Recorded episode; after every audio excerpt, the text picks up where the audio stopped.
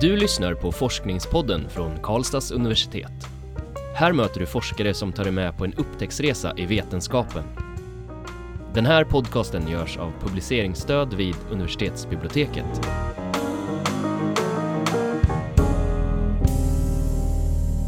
Hej och välkomna! Mitt namn är Magnus. Jag heter Nadja. Och det här är det 27 avsnittet av Forskningspodden och med oss i dagens avsnitt har vi Susanne Duek som är doktor i pedagogiskt arbete. Varmt välkommen Susanne! Tack! Vi ska prata med dig om din doktorsavhandling idag och den heter med andra ord Samspel och villkor för litteracitet bland nyanlända barn. Mm. Vill du börja med att berätta lite vad avhandlingen handlar om? Mm. Den handlar om sex barn som jag har följt eh, under ett års tid. Eh, mellan, barn mellan fyra och nio år är de när jag börjar. Eh, och ehm, ja, de är nyanlända som titeln anger. Och, ehm, eh, jag har följt dem i skolan och jag har träffat deras lärare och jag har träffat deras föräldrar och jag har även besökt dem i deras hem. Mm. Så, och jag har tittat på det som jag kallar för litteracitet, alltså läsande och skrivande i en väldigt vid bemärkelse. Ehm, kan man säga. Mm. Mm. Deras möte med skolan. Ja, okay. Eh, de är ju väldigt unga de här barnen. Mm. Eh, kan du berätta lite mer om vad de har för erfarenheter med sig när de kommer till den svenska skolan? Ja, de är nya, relativt nya. De är, har varit i Sverige ungefär ett och ett halvt år när Mm. de kommer i snitt sådär. Ehm, ehm, de kommer från lite olika länder. Från ehm, Afghanistan kommer tre. Från Somalia en och två från Burma. Och jag ska säga att eh, två av de afghanska barnen är syskon och två av de eh, burmesiska barnen är syskon. Mm. Ehm, de... ehm, alltså det är ju ganska kort tid, ett och ett halvt år, men det är en ganska stor del för barnen. Så att eh, de, Mhm. de är ju här i, i Sverige och mm, har lärt sig svenska bra. Så jag pratar ju helt och hållet på svenska med dem. Ehm, det är ju förhållandevis en kortare period för föräldrarna. Så de pratar ju mindre svenska, eller ganska lite svenska till och med, några av dem. Så där har jag fått använda mig av tolk. Ehm, de berättar inte jättemycket om det som de har eh, varit med om tidigare innan de kom till Sverige, men lite grann. Mm. Lite inblickar har jag fått. Ehm, så att de, de är ju flyktingar allihopa Mm. från början men de har permanent uppehållstillstånd. Eh, sen är det så också att jag valde ut de här för att deras ehm, mammor har inte gått i skolan. Okej. Ja, så att det, jag har träffat dem genom såna här så kallade alfabetiseringsgrupper på SFI, Svenska Mm. för invandrare. Ehm, och deras, det är två ensamstående mammor. Okej. Eh, Så att ehm, det är två pappor med i bilden också och de har gått några år längre i skola. Mm. Så det är liksom det som har varit mitt fokus, att titta på hur de möter skolan med föräldrar då som inte har gått i skolan så mycket, Mm. inte har så mycket skolbakgrund. Och hur kom det sig att, eh, hur väcktes ditt intresse för just det här ämnesområdet? Ja, det, är, det har legat och gnagt i mig ganska länge sedan jag jobbade som lärare. Eh, I början av 2000-talet. Ehm, jag jobbade efter lärarutbildningen så jobbade jag på mm, SFI i en sån här alfabetiseringsgrupp som vikarie en period. Och sen jobbade jag ehm, i grundskolan och mötte elever då och jag hade mycket alltså, autentiska frågor. Hur har de det hemma? För man har ju då läst, i lärarutbildningen så läste man om ehm, vad viktigt det är, hur hemmet och som småbarnsförälder som jag var då också eh, så fick man det här matat att man måste läsa mycket för barnen och de ska bada i texter och det ska finnas till jättemycket, ska liksom bada i böcker, det ska finnas massa böcker hemma och sådär. Och, så jag funderar rätt mycket på hur, hur har de det på riktigt alltså. Mm, mm. Ehm, så att det var en sån här lite nyfikenhetsforskning. Ja, just det. Skriver ju om att, eh, att eh, ja, de här barnen möter någon, det som du kallar för monokulturella normer Mm. eh, i den svenska skolan. Mm. Kan du förklara det begreppet lite kort bara och vilken betydelse det har för, för barnens lärande? Mm. Det är ju en, en, en tolkning som jag har gjort, det här med monokulturella normer. Um, ja, det är mycket, alltså det är ju nästan så gott som bara svenska som gäller, svenska språket i, i skolan. Och det är, språket ses som en del av kulturen. Uh, svenska texter, mycket så, kallat svenskt innehåll, alltså man utgår ifrån någon slags norm att barn har med sig en viss, ett visst paket Mm. i bagaget när de kommer till skolan i mångt och mycket.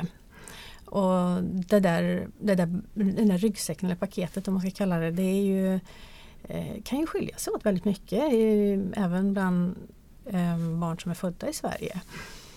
Ehm, men men ehm, man kan ju tänka sig i alla fall att, att eh, det finns ännu större skillnad när man kommer från ett annat land Mm.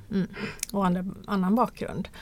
Och därför eh, så eh, ja, men jag kunde se att, att det fanns en norm som, som på något sätt utgår från en slags svenskhet. Mm. Innebär det andra utmaningar för just de här barnen då? För hur de kan tillägna sig språk? Och, Det andra menar du? eh, ja, alltså en för barn som är födda i Sverige, att de har deras, de här barnen som du har pratat med, eh, Ja. deras erfarenheter att det Ja, både och kan man säga. Jo, det gör det. Borde det rimligen Mm. göra. Ehm, men de har en enorm förmåga att anpassa sig. Mm. Så det, de, eh, Ehm, jag kan ju se att de, att de väldigt fort kommer in i den här normen när de skriver saker. Så, så, men det ser jag också som, som lite um, anmärkningsvärt, eller lite um, ja, att det sticker ut lite grann att de, att de anpassar sig väldigt mycket. Alltså man, man kan ju tänka sig att när man kommer från ett annat land och har massa erfarenheter och har föräldrar som kommer eh, har andra, ett annat språk och en, andra kulturella referensramar och så. Att, att det skulle kunna liksom skilja sig någonting i det de skriver eller det de berättar. Um, och att man kanske skulle kunna plocka upp det och bygga vidare på det också. Men det, det ser jag inte att det händer utan de, de, de pratar om samma saker som, som de svenska barnen, eller svenska barnen, ja, de är svenska de här också nu. Men um, de um, enspråkiga svenskfödda barnen. Mm. Så, så handlar det mycket, väldigt mycket om, om samma saker. Mm. Tror du att det skulle vara skillnad? Alltså nu är vi ute på halis, det är Mm. ingenting jag trodde jag tittat på. Men Nej. nu sa du att du har barn där föräldrarna inte var Mm. så här, de har inte gått mycket i skolan. Och, Nej. eh, men om du skulle ha haft med barn Mm. som hade en bakgrund där föräldrarna var välutbildade men Mm. även de nyanlända. Tror du det skulle ha varit skillnad? Um, nej, det tror jag inte egentligen. Ehm, men det, det kan jag inte svara på. Men, men um, nej, jag tror att vi har en, en benägenhet att um, se den här den normen som vi har, de traditionerna som vi har är ganska fasta. Och jag tror inte att det kanske skulle vara någon större skillnad om man eh, Men eh, ja, jag vet inte. Det får vi fundera vidare på. om det är någon större skillnad. Det är mycket som, som, som jag har sett som säkert är generellt för, för, eh, för elever som kommer till Sverige Mm. från andra länder. okej. Mm.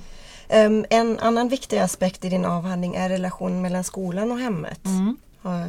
Ehm, kan du berätta om den här relationens betydelse för barnen? Mm. Um, ja, hela våran, det, det sätt som, som vi i skolan undervisar på och det som vi har som utgångspunkt är ju att vi ska ha ett samarbete med hemmet och en dialog med hemmet. Det är ju så vi jobbar i, i svensk skola. Um, och där kan jag se att uh, det finns uh, hinder eller svårigheter. Inte egentliga hinder utan mer um, föreställda hinder. Alltså klart att språket hindrar. Men de har ju tolkar, de har eh, möjligheter och det, de har en viss svenska. Det går att prata om även om man inte pratar eh, flytande.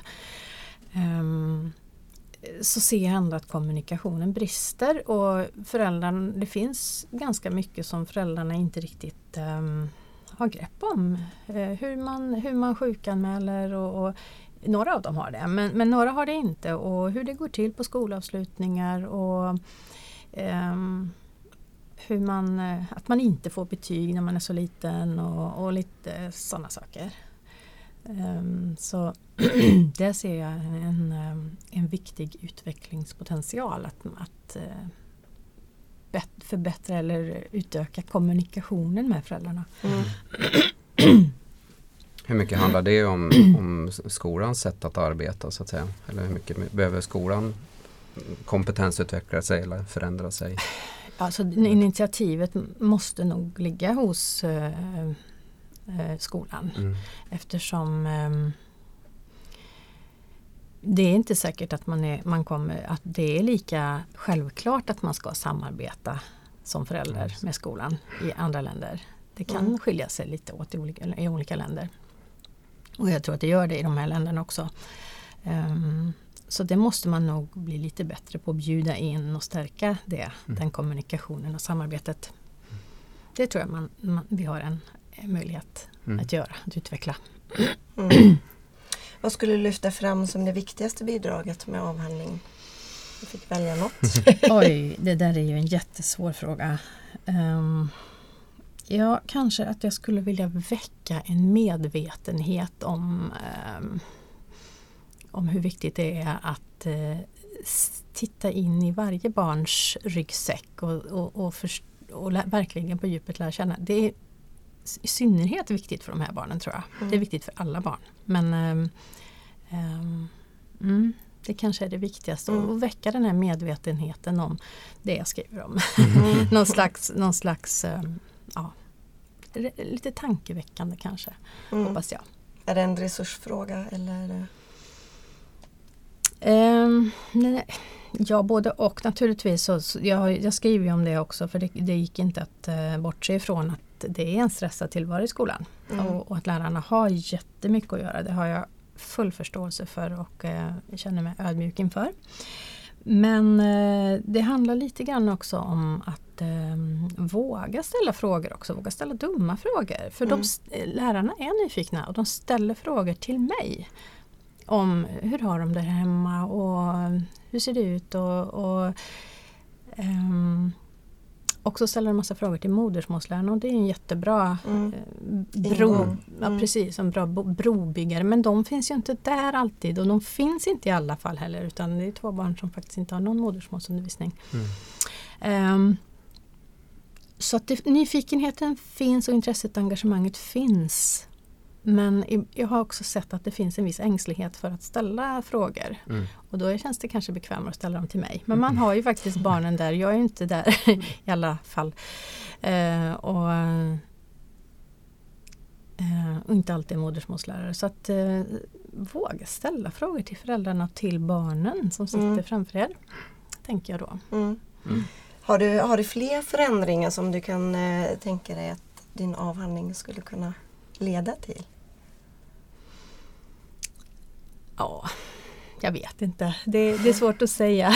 Nu har du chansen här att tala om för skolan vad de ska göra. Nej då, det, de kan det här. De är jätteduktiga i skolan. Men, men ehm, ja, det är klart att det krävs en viss eh, en viss vana också. Jag ska ju säga det också att eh, flera av de här skolorna har inte haft Alltså, de är i minoritet, elever med annat modersmål är i minoritet på de här skolorna. Och de, några av dem är inte, är inte särskilt vana vid att ta emot barn från andra länder Mm. Mm.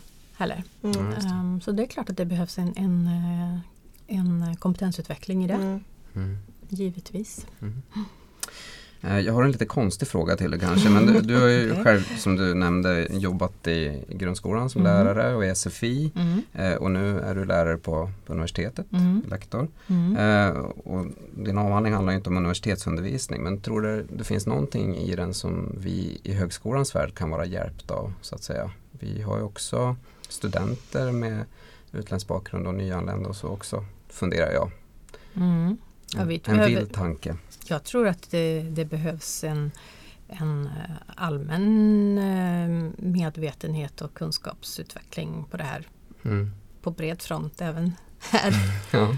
Ja, ehm, men det är stort och det är komplext. eh, Så att, ehm, ja, Mm. det, finns säkert saker som man skulle kunna lära sig. Men, men eh, förstås med lite andra utgångslägen då, Mm.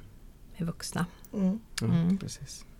Om vi då pratar lite mer om dig, vilka planer har du nu efter avhandlingen?